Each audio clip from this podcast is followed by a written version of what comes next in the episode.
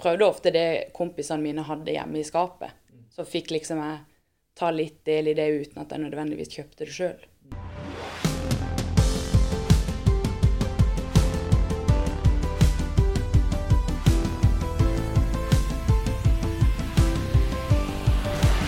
Har du vurdert å bruke kosttilskudd for å gjøre det bedre på trening, bli sterkere eller nå måla du har satt deg? I dagens episode skal vi møte Marie. Da hun var 14 år, starta hun å trene på treningssenter. Det blei etter hvert en veldig viktig interesse. Marie kjente at styrketrening var noe hun mestra, og hun kjente progresjon i treninga. Hun blei sterkere, men Marie ville nå lengre og løfte enda tyngre. Det blei naturlig å sjekke ut enda flere måter enn trening for å bli sterkere. Hun hørte fra venner at kosttilskudd var noe som kunne gi henne enda mer effekt av treninga. Perfekt, tenkte Marie. Hun prøvde og testa flere forskjellige kosttilskudd i håp om både bedre prestasjoner og kropp. Men trenger en egentlig pre-workout, BCAA eller kreatin for å få utbytte av treninga, bli sterkere og nå måla sine? I denne episoden skal vi prøve å gi deg kunnskap som kanskje er akkurat det du trenger. Og da skjønner du kanskje at det er nettopp Marie som er gjest i dagens Antidopingpodden. Marie Åmestad heter du, 25 år, student ved Norges idrettshøgskole og har skrevet en masteroppgave om kosttilskudd som jeg syns er veldig interessant. Velkommen, Marie. Takk. Og I tillegg så kommer Fredrik Lauritzen, som er forskningssjef her i Antidoping Norge, og har veldig peiling på kosttilskudd. Velkommen til deg, Fredrik. Takk. Det er jo kosttilskudd vi skal snakke om i dag, men jeg må stille deg det faste spørsmålet her i podkasten først, Marie. Og det er det første du tenker på når jeg sier doping? Jeg tror jeg tenker som veldig mange andre på eh, juks, og òg på snarveier. Snarveier til det store målet? Yes. Mm. Aller først så må man bli litt bedre kjent med deg og historia di. Eh, som tenåring, da, som jeg hørte i innledninga, så var du veldig opptatt av trening og å bli sterkere. Det er du vel opptatt av fortsatt, men eh, fortell litt eh, hva du tenkte om trening på den tida der. Når du starta med det og blei, var som mest ivrig. Eh, nå kommer jeg fra en veldig eh, aktiv familie med en eh, mamma som alltid har vært aktiv og trent på treningssenter. Vokst opp på gård, der jeg liksom alltid har måttet ta i et tak. Så det har vært en eh, naturlig del av min oppvekst. Eh, og når jeg var eh, 13 år, så begynte jeg å jobbe på et bakeri. Og jobba der såpass ofte at eh, det ikke var tid eller rom for å drive med organisert idrett. Og da tipsa mamma meg om å begynne på treningssenter, for da hadde de eh, organisert det gruppeteamet for de som var mellom 14 og 16 år. Og jeg begynte på det, og eh, fortsatte med gruppeteamet fram til den dag i dag. Ble helt eh, hekta på det, rett og slett. Mm. Så du fikk det litt eh, gjennom mor og, og foreldra dine, da? Ja, det gjorde jeg. Mm. Og når jeg begynte sjøl, så eh, så eh, fikk jeg Jeg merka at jeg ble eh, sterkere og eh, syntes det var gøy med trening. Mm. Mm. Det kom liksom med en gang? Eh, jeg har egentlig vært eh, genetisk sterk. Ja. Hatt en mamma som òg er veldig liksom sterk, og hatt en ganske holdt på å si, stor kroppsbygning som gjør at ja, jeg ofte har løfta mer enn venninnene mine. Som òg har vært en, eh, en trigger sikkert i starten. At jeg syntes det var gøy at jeg var god på en ting. Du kjente den mestringsfølelsen ganske Mm. tidlig, da? Ja, Mm. jeg gjorde det. Så jeg tror det er det som bare gjorde at jeg ble bitt av basillen, Mm. rett og slett. Og så hadde jeg jo en mamma som kunne liksom korrigere meg på teknikk, og liksom var med og motiverte og pusha meg til også å drive med den styrketreninga som jeg da gjorde. I og med at jeg ikke gikk på noe annen type idrett eller sånn. Mm. Mm. Denne dag i dag så jobber du jo på treningssenter og, og driver med, med crossfit, så du har den gleden fortsatt. Absolutt. I aller høyeste grad. Mm. Mm. Men åssen var en sånn vanlig treningsdag for Marie sånn 16-17 år, da? Nei, altså eh, Jeg fortsatte jo med gruppetime, som jeg sa. Men når jeg ble 16, så fikk jeg jo òg lov til å drive med egentrening på det treningssenteret hjemme. Så da hadde jeg Jeg lurer på om jeg hadde tre-fire økter i uka. Og så var det litt varierende om det var mest gruppetime da, eller om det var mest eh, egentrening i eh, studio. Husker du åssen det kan prate det kan på, på når du var på treningssenteret, om du trena med det miljøet der? Åssen blei det liksom prata om det å skulle bli sterkere og bedre på, på de øvelsene det kan gjøre? Um, jeg hadde en venninne som drev ganske mye med kardio. Så med de så var det liksom ikke så mye snakk om å bli sterkere eller liksom trene styrke og sånn. Mens med de kompisene jeg av og til trente med, da var det, var det liksom litt sånn konkurransebasert, holdt jeg på å si, med de. Og da snakka vi jo om hvor mye vi løfta, hvor tungt, hvor mange reps vi klarte på eh, de ulike vektene og de ulike øvelsene. Og så var det litt rundt det, da. Og det var òg eh, der jeg ble introdusert til kosttilskudd via kompisene mine. Ja, for åssen fant du ut av det? Ja? Du, var det kompiser som, som, fortalte om det, og du fikk eh, lyst til å prøve det ut og, og, og teste det? Ja, eller en observerer jo hva som er rundt på senteret. Og i hvert fall etter min erfaring så er det ofte shakere som inneholder annet enn bare vann, som er, står rundt, og som folk drikker. Så det var egentlig mest eh, nysgjerrighet. Og spurte da kompisene mine om liksom Ja, OK, hva, hva er det dere drikker, og hvorfor gjør dere det? Og, og da når en på en måte konkurrerer i hermetegn med de, så har en jo lyst til å liksom ha samme utgangspunkt som de. Så da vil en jo òg prøve det sjøl for å se om en kan få lik progresjon, eller at ja, at en skal ha samme grunnlag for, eh, for prestasjonene sine. Du forteller jo om å ta tyngst mulig vekter, og det blir det òg snakka om åssen kroppen skal se ut, og store muskler en har. Var det viktig i praten? Eh, jeg føler liksom at jeg var litt ute av den praten i og med at jeg var jenta i gjengen. Men de snakka jo mye om det. Og sto og på en måte fleksa biceps i, i speilet og sånn. Og jeg ble jo liksom med på den eh, kødden der.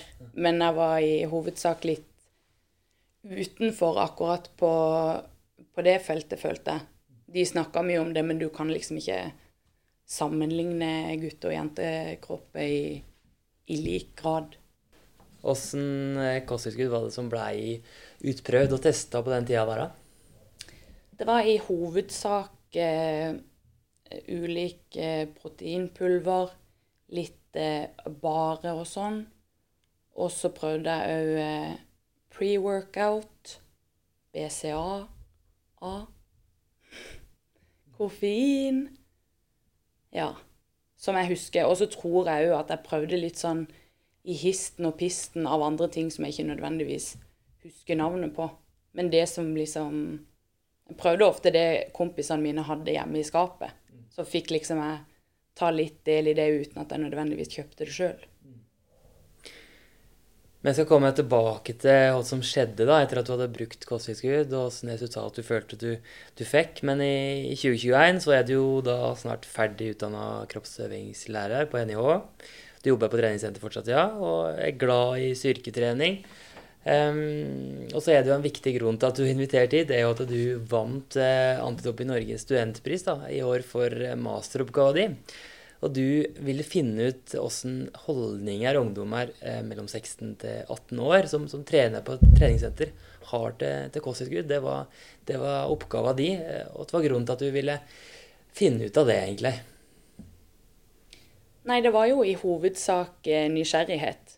Fordi at jeg vet fra egen erfaring og, hvor mye jeg sjøl har brukt, og så lurte jeg rett og slett på eh, om ungdommen i dag tenkte det samme, eller om de liksom gjorde det samme som meg. I tillegg til at når jeg, meg og veilederen min så på mye av den tidligere forskninga som er gjort, så er det meste eh, av den forskninga gjort på idrettsutøvere i den aldersgruppa. Ikke nødvendigvis de som trente på treningssenter. Så da fant vi ut at det var ei gøy, eh, gøy gruppe også, eh, å se litt på. Mm. Altså, det er jo viktig, da, og når vi snakker om kosttilskudd i dag, så må vi prøve å, å definere og, og, og, fortelle litt hva vi tenker på som kosttilskudd. For det er jo en stor gruppe med forskjellige tilskudd. Og så vet vi at eh, omtrent hver tredje person som trener på treningssenter, tar kosttilskudd jevnlig. Det blir faktisk brukt 2,5 milliarder kroner på kosttilskudd hvert år i Norge. Men hva er det vi tenker på som kosttilskudd da, Fredrik? Nei, Kosttilskudd er jo en veldig stor gruppe som du sier, med mange ulike produkter og produktkategorier. For oss er det jo de kosttilskuddene som brukes i forbindelse med trening, eh, som er mest relevante og som vi bruker mest eh, tid på. Og det eh, kan vi i hovedsak dele i fire grupper. Så det er eh, medisinske kosttilskudd, hvor du har vitaminer og mineralpreparater. Der kommer også tran eh, inn i den gruppa. Så har vi sportsprodukter, som kanskje er den som brukes aller mest. Der har du proteintilskudd, barer, eh, karbohydratløsninger. Eh, og det er jo tilskudd som skal gi eh, tilskudd av, av næring og bidra til økt restitusjon etter trening, f.eks. Så har man ergogene tilskudd, som er da stoffer som har en prestasjonsfremmende effekt. Der kommer jo kreatin inn, og koffein bl.a. Og så har man naturpreparater som er en samlegruppe med urter, røtter, planter. Og så har det i den senere tiden så har det kommet inn en ny gruppe som vi kaller blandingsprodukter. Um, som er uh, kosttilskudd med veldig mange ulike ingredienser. Uh, hvordan noen av de hevder å ha en prestasjonsfremmende effekt. Men hvor det kan være vanskelig å få en god oversikt over hva som egentlig er i produktet, og hvor mye uh, det er av hvert enkelt stoff. Det er jo den siste gruppa, som vi er særlig bekymra med tanke på eh, doping. Men det kan vi jo komme tilbake til senere i praten. Ja, det skal vi snakke litt mer om. Det en bør være obs på, da. Men eh, Marie, når du har skrevet om kosttilskudd, hvordan kosttilskudd er det du har fokusert på da? Eh, da har jeg fokusert på eh, proteintilskudd, eh, kreatin, pre-workout og BCAA. Mm.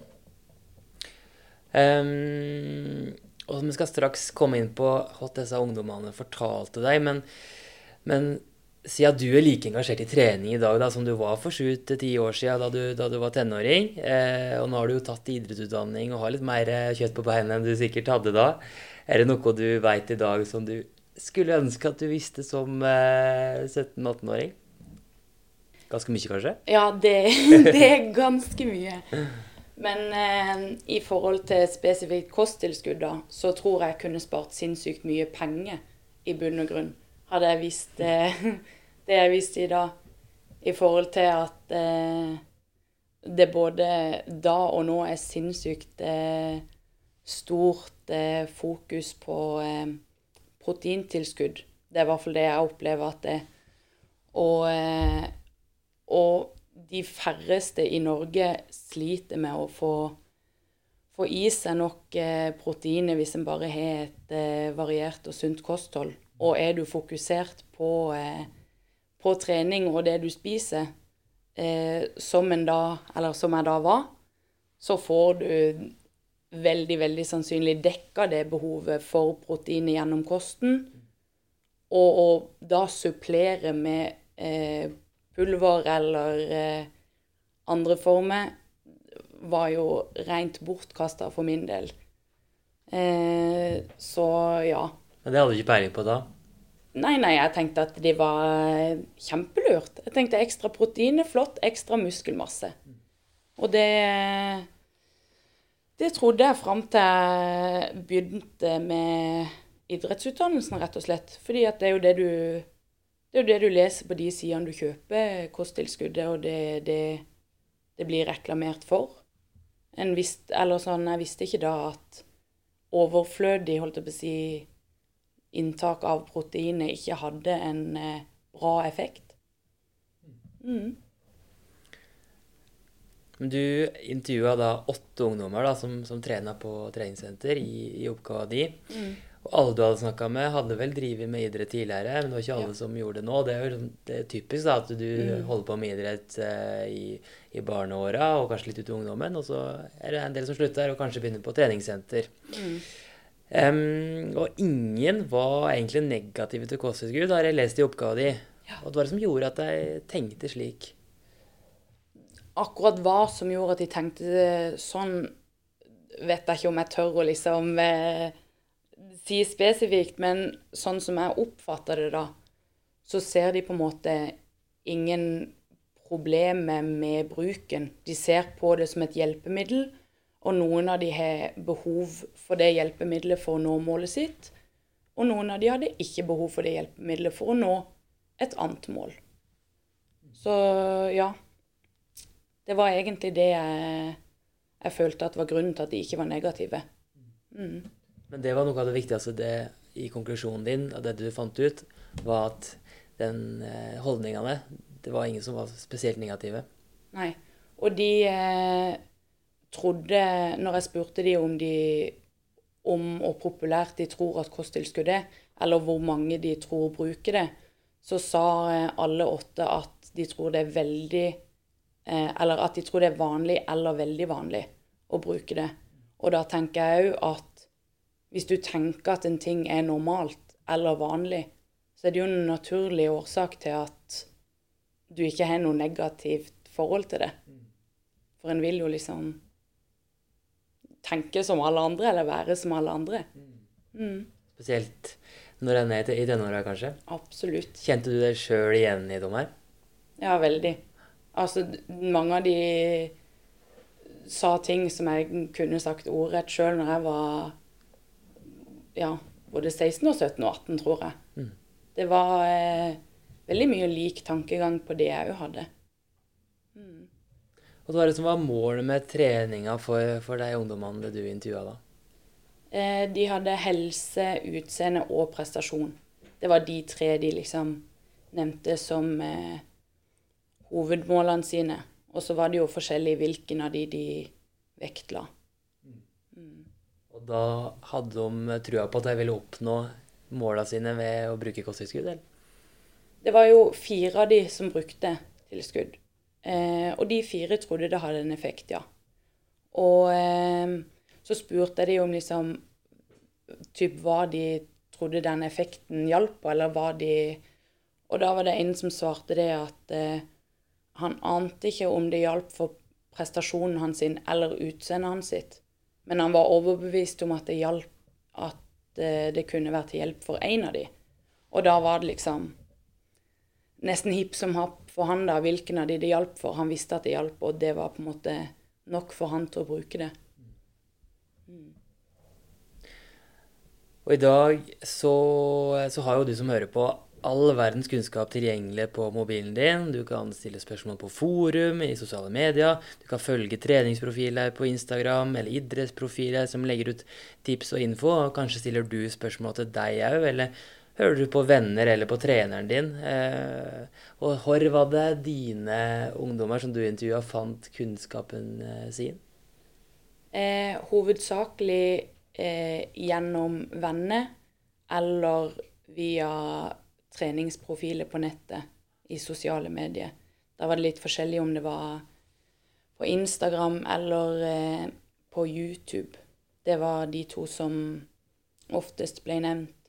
Og da eh, eh, Da sa de at de henta kunnskap fra de personene som de syns enten så ut som de hadde lyst til å se ut sjøl, eller presterte sånn som de hadde lyst til å prestere sjøl.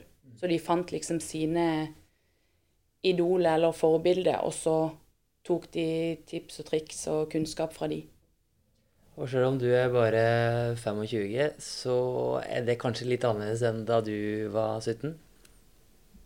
I forhold til kunnskapen. I forhold til sosiale medier, Ja. som du Ja. var inne på i oppgava di. at eh, en blir mer prega av det nå, kanskje? Det tror jeg absolutt. Og det, det jeg husker tilbake på fra jeg skulle til å si min eh, tid i, på sosiale medier den gang, var mye det at vi nesten bare kommuniserte med hverandre via MSN eller Facebook-chat. Det var liksom ikke så mye Altså bildedeling og, og eh, informasjon i lik grad som det er nå. Nå er det jo blitt et helt samfunn der inne, og ikke bare et eh, kommunikasjonsforum.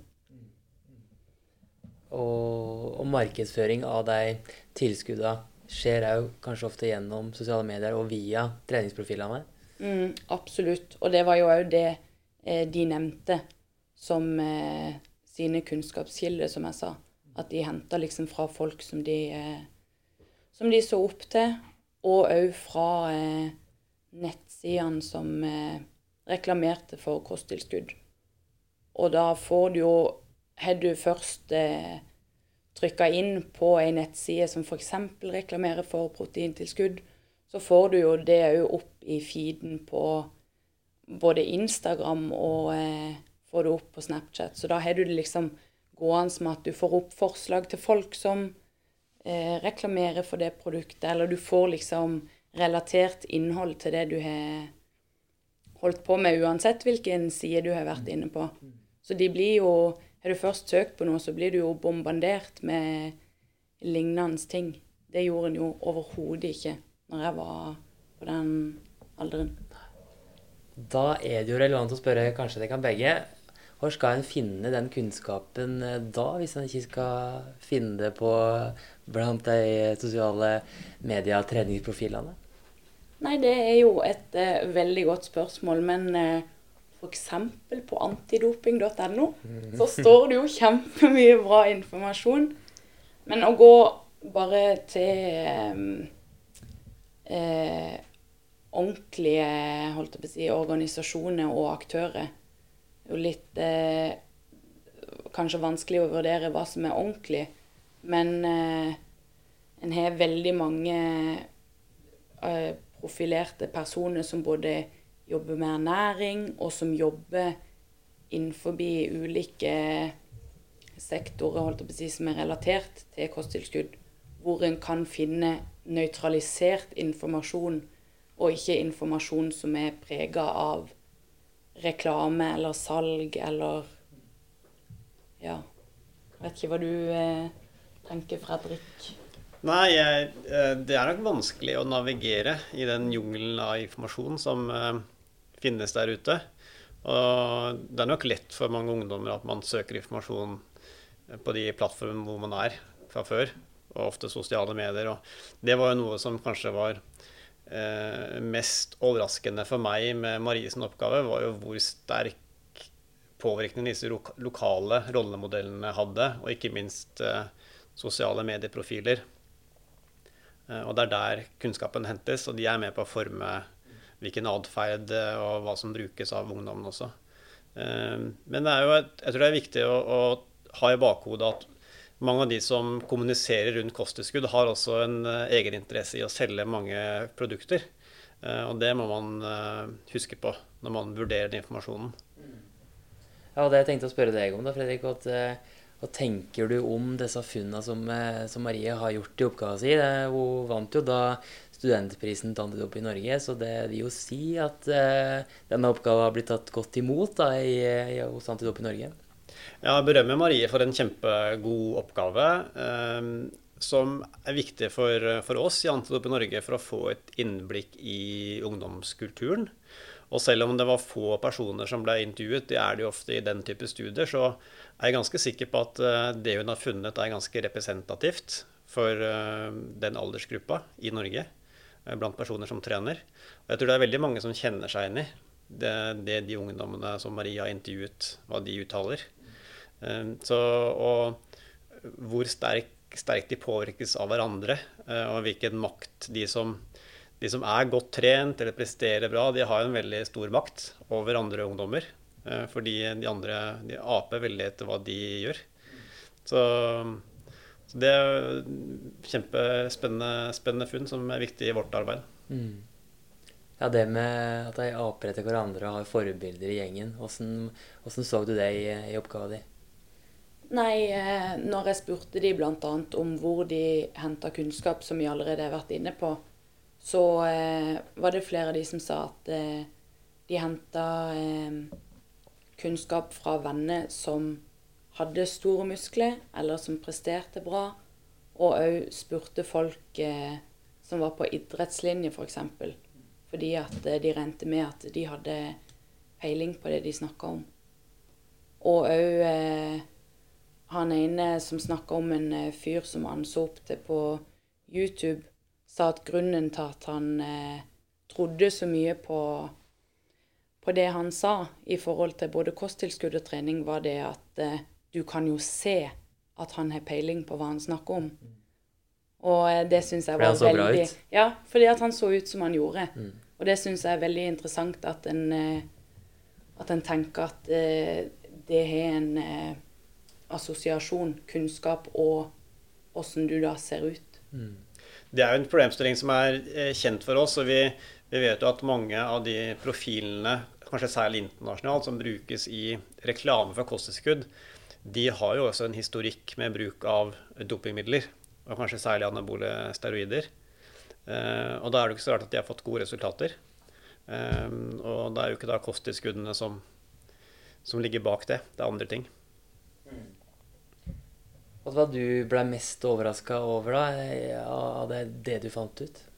Det var mye av det som jeg på en måte hadde, hadde sett for meg, i og med at jeg har, har tenkt litt sjøl. Mm. Men jeg tror det som i hovedsak overraska meg mest, var bare hvor sinnssykt mye en blir påvirka av både sosiale medier og venner. At jeg følte at eh, de ungdommene, de, de trengte ikke å liksom søke noe annet sted for kunnskap eller for De slo seg liksom til ro med at OK, den muskuløse kompisen min tenker sånn, eller sier det om noe. Da er på en måte det sannheten. Eller hun har den kroppen og bruker det og det. OK, men da er det det man må gjøre. Det var, det var så lite kritisk tankegang. Men det er jo igjen sikkert nøyaktig like lite kritisk som jeg hadde vært på den tida, når en ikke har den eh, kunnskapen som en har nå. Mm. Men Fredrik, er det faktisk sånn at eh, mat og kosthold kan være nok? Trenger en aldri kosttilskudd? Ja, det, dette er ikke noe sånn eh, ja eller nei-svar, egentlig. Det er mer nyansert enn som så.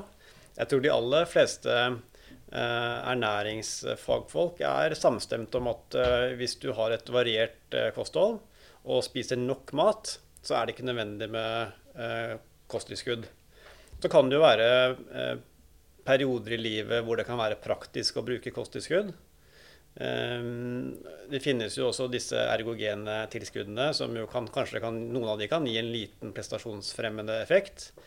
Men det er viktig å ikke overvurdere den betydningen de har. Det det er mange andre ting som er mye, mye viktigere for å få god, et godt treningsresultat, særlig blant eh, unge. Eh, Jeg tror mange unge starter i helt feil ende eh, ved at de, de ser på kosttilskudd som nødvendig når de starter å trene. Og så glemmer man de andre viktige tingene. Og da vil du aldri nå ditt potensial. Så, og så er det dette med proteintilskudd, som Marie var inne på, er jo interessant. Vi, eh, proteintilskudd er, er jo mye brukt, kanskje det som brukes aller mest. Og noen har nok en, en inngang til det at man eh, heller tar litt for mye enn litt for lite. Eh, Og det er sannsynligvis ikke noe farlig. Eh, Men det er en risiko for at du, eh, hvis du overprioriterer protein, så får du for lite av de andre næringsstoffene. Så du får et, eh, et næringsinntak med dårligere kvalitet. Og da vil du få dårligere treningsresultater også. For du trenger et, eh, et sammensatt og variert kosthold som du får i, i vanlig mat. Og det kan aldri kun tilskudd gi deg. Men det er et par tilskudd som, som kan gi deg mer eh, bedre prestasjoner på, på uh, treningssenteret. Ja, det er jo det er noen få, en håndfull uh, stoffer som har vist seg kunne ha en prestasjonsfremmende effekt. Koffein er jo et av de. Det kjenner vi jo alle til, at det kan være oppkvikkende. Um, kreatin er jo mye brukt. eh, er det jo mye forskning på. Kan gi en liten eh, effekt hos noen individer eh, i forbindelse med spesielle aktiviteter, spesiell styrketrening. Men effekten er jo marginal. Og så er det også noen, noen få andre. Kan det være noen negative helseeffekter da, av å bruke kosttilskudd? Ja, det, det, vi jo ser og har mye litteratur på, er jo at kosttilskudd kan jo inneholde eh, forbudte stoffer. Eh, og de stoffene er ofte forbudt fordi de kan ha negative helsekonsekvenser. Så hvis de inneholder forbudte stoffer, så vil det kunne ha en, negativ effekt på helsa. Litt avhengig av hvor, eh, hvor, store mengder det er i kosttilskuddet. Uh, og så er jo de fleste kosttilskudd som selges, er trygge å bruke i de dosene som anbefales. Men vi ser jo også at de som bruker kosttilskudd, de bruker ofte veldig mange kosttilskudd og kombinerer kosttilskudd. Og da er det jo en stor sjanse for at du får i deg altfor mye av et stoff eh, enn det som er anbefalt. Og der er jo et koffein et godt eksempel. Eh, hvis du da både drikker kaffe, drikker energidrikker og bruker pre-workout, så har du et veldig høyt koffeininntak i løpet av et døgn. Som eh, kanskje ikke er bra på sikt, og kan utgjøre en risiko, særlig hvis du, hvis du har en, en eh, hjertesykdom f.eks. I dag så har vi jo snakka mest eh, til dekkene som eh, trener på treningssenter, og ikke så mye om idretten. Men det er jo helt sikkert en del av dekkene som hører på, som driver med idrett i tillegg kanskje til å trene på treningssenter. Og der veit jeg at du har et prosjekt om dagen Fredrik, der du går gjennom alle norske dopingsaker. Åssen stoff det er testa positivt på, åssen forklaring de har gitt. Og der er det vel en del kosttilskudd. Nei, den, En av de viktigste grunnene til at uh, vi i Antidop Norge er så opptatt av kosttilskudd, er jo at vi ser at en betydelig andel av de dopingsakene vi har, og da særlig i idretten, um, skyldes bruk av kosttilskudd. Det ser man internasjonalt, og det ser vi i Norge. Så foreløpig så, så, har vi tall på en, en seksårsperiode fra 2018 og seks år tilbake i tid, hvor vi har gått gjennom alle um, dopingsakene Eh, og der er det sånn at eh, i, i 20% av alle de dopingsakene så skylder utøver på kosttilskudd. Så det er ganske mange. Én av fem eh, saker. Og så er det sånn at det er ikke eh, bevist i hver sak at det er kosttilskudd som har skylda. Kanskje utøver ikke husker navnet på produktet. Kanskje han eller hun ikke har produktet lenger, så det er vanskelig å få det analysert. Men i ca. halvparten av de tilfellene, så 10 da, av alle dopingsaker i den perioden, skylder sannsynligvis kosttilskudd. Um, og det ser vi også i dopingsaker utover den perioden. Og det er vi i ferd med å, å, kartlegge nå. Da kan det være at Grunnen til at eh, du kan teste positivt, er jo da bl.a. at kosttilskuddet kan være forurensa. Ja, når man snakker om dopingmidler i kosttilskudd, så snakker man ofte om forurensa tilskudd. Men det vi ser, er at ganske mange uh, av sakene så, så står det forbudte stoffet på boksen. Så det er kjent. Eh, vi gjorde jo også en kartlegging sammen med Mattilsynet og Legemiddelverket for et par år tilbake, hvor vi bestilte kosttilskudd eh, fra eh, nettbutikker som rettet seg mot norske forbrukere. Og da valgte vi høyrisiko kosttilskudd, så der hvor det er høy risiko for doping. Så ca. 10% av de kosttilskuddene som vi analyserte da, de hadde dopingmidler i seg. Og på, på alle de produktene så sto da det forbudte stoffet på boksen. Og det ser vi også i mange av dopingsakene i idretten. At det er utøver har ikke vært eh, grundig nok i å undersøke produktet. Eh, for hvis man hadde sett da, disse stoffene opp mot dopinglista, så har man sett at de, de var forbudte. Og markedsføring har vi jo vært litt inn på, og du har jo sikkert sett av kosttilskudd som lover veldig mye, lover stor effekt. Og det er kanskje noe av det en bør være obs på når en eventuelt, da, hvis en skal prøve å kjøpe kosttilskudd. Ja, det er jo noen kosttilskudd som peker seg ut i negativ retning når det gjelder dopingrisiko. Uh, Pre-workout er jo nevnt. Der er det, vet vi det er mange saker. Uh, så kosttilskudd som hevder å være, ha en stimulerende, oppkvikkende effekt. Uh, og så er det også kosttilskudd som hevder å ha en muskelbyggende effekt. Det kan være kosttilskudd som har ord som anabolic eller muscle building sånt, i, eh, i, i, eh, navnet på produktet. Og så også en, en, del kosttilskudd som eh, hevder å øke seksualdriften, f.eks. Der kan det være tilsatt eh, anabole steroider og andre stoffer. Så, eh, og det er jo særlig de kosttilskuddene som er kjøpt i utlandet. Det ser vi også i de norske sakene. Veldig mange av utøverne som har testa positivt, har fått tak i produktet sitt i utlandet. Enten fysisk i butikk eller på nettet. Så der er risikoen høyere. Selv om man heller ikke har noen garanti hvis man kjøper produktet i Norge, så er nok det lavere risiko. Og så er det jo slik at det er ikke noe sertifiseringsordning for kosttilskudd i Norge. Det er ikke noe som er godkjente kosttilskudd. Og, og med Antidoping Norge med, kan heller ikke gå god for noe kosttilskudd som helst.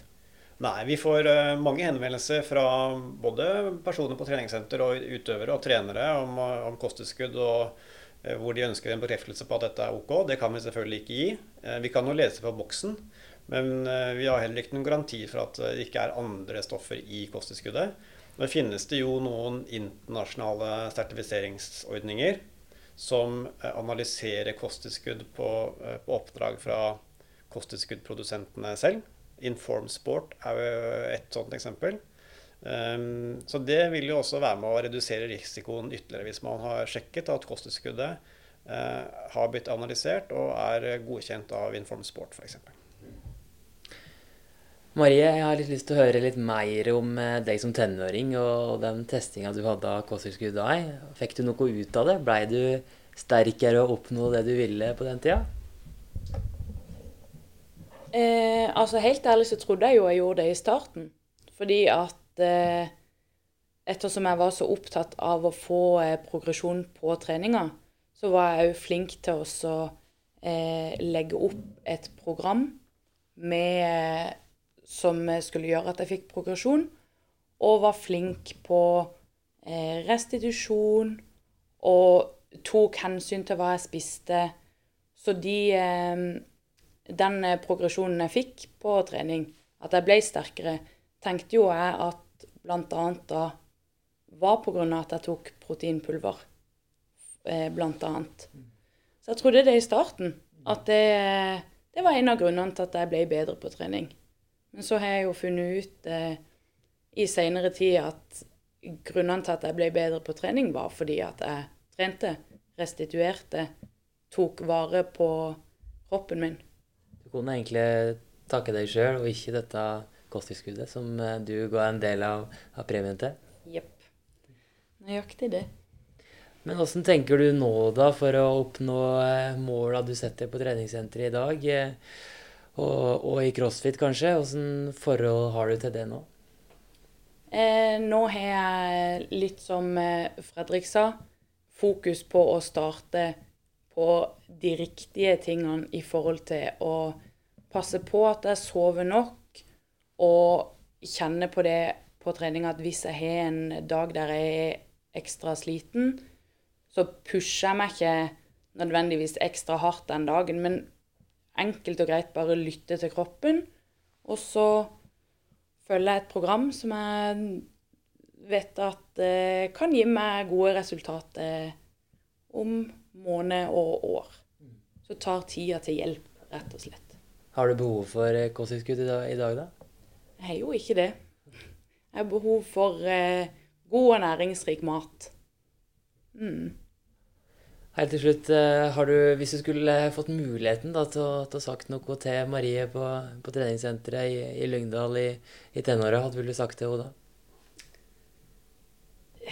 Spar pengene dine og fokuser på å gjøre eh, treninga bra og ha det greit i livet. Fredrik, eh, helt til slutt, er det noe du vil at folk skal sitte igjen med etter en episode om kosttilskudd i dag? Det er viktig at de som ønsker å bruke kosttilskudd, enten de er idrettsutøvere eller trener på et treningssenter og er mosjonister, at de vurderer behovet for kosttilskuddet, hvilken effekt det eventuelt har, og risikoen til det preparatet de ønsker å bruke, helst i samråd med kvalifisert personell. Og så er det jo da, når det gjelder dopingrisiko, sentrale faktorer eh, som man må tenke på, er hvor produktet er kjøpt, hvilken påståtte effekter produktet har, eh, og om produktet har mange ulike stoffer som det kan være vanskelig å få en god oversikt over. Da er risikoen høyere for at de inneholder eh, dopingmidler. Takk til dekkan 2, Marie Omestad, snart ferdig lektor i eh, idrettsfag ved Norges idrettshøgskole. Og takk til deg, forskningssjef i Antidoping Norge, Fredrik Lauritzen. Og så er det jo da, som vi var inne på, bare å gå inn på antidoping.no og søke på kosttilskudd, så er det en del god informasjon å finne ut òg der, hvis en kan ute etter mer informasjon om kosttilskudd.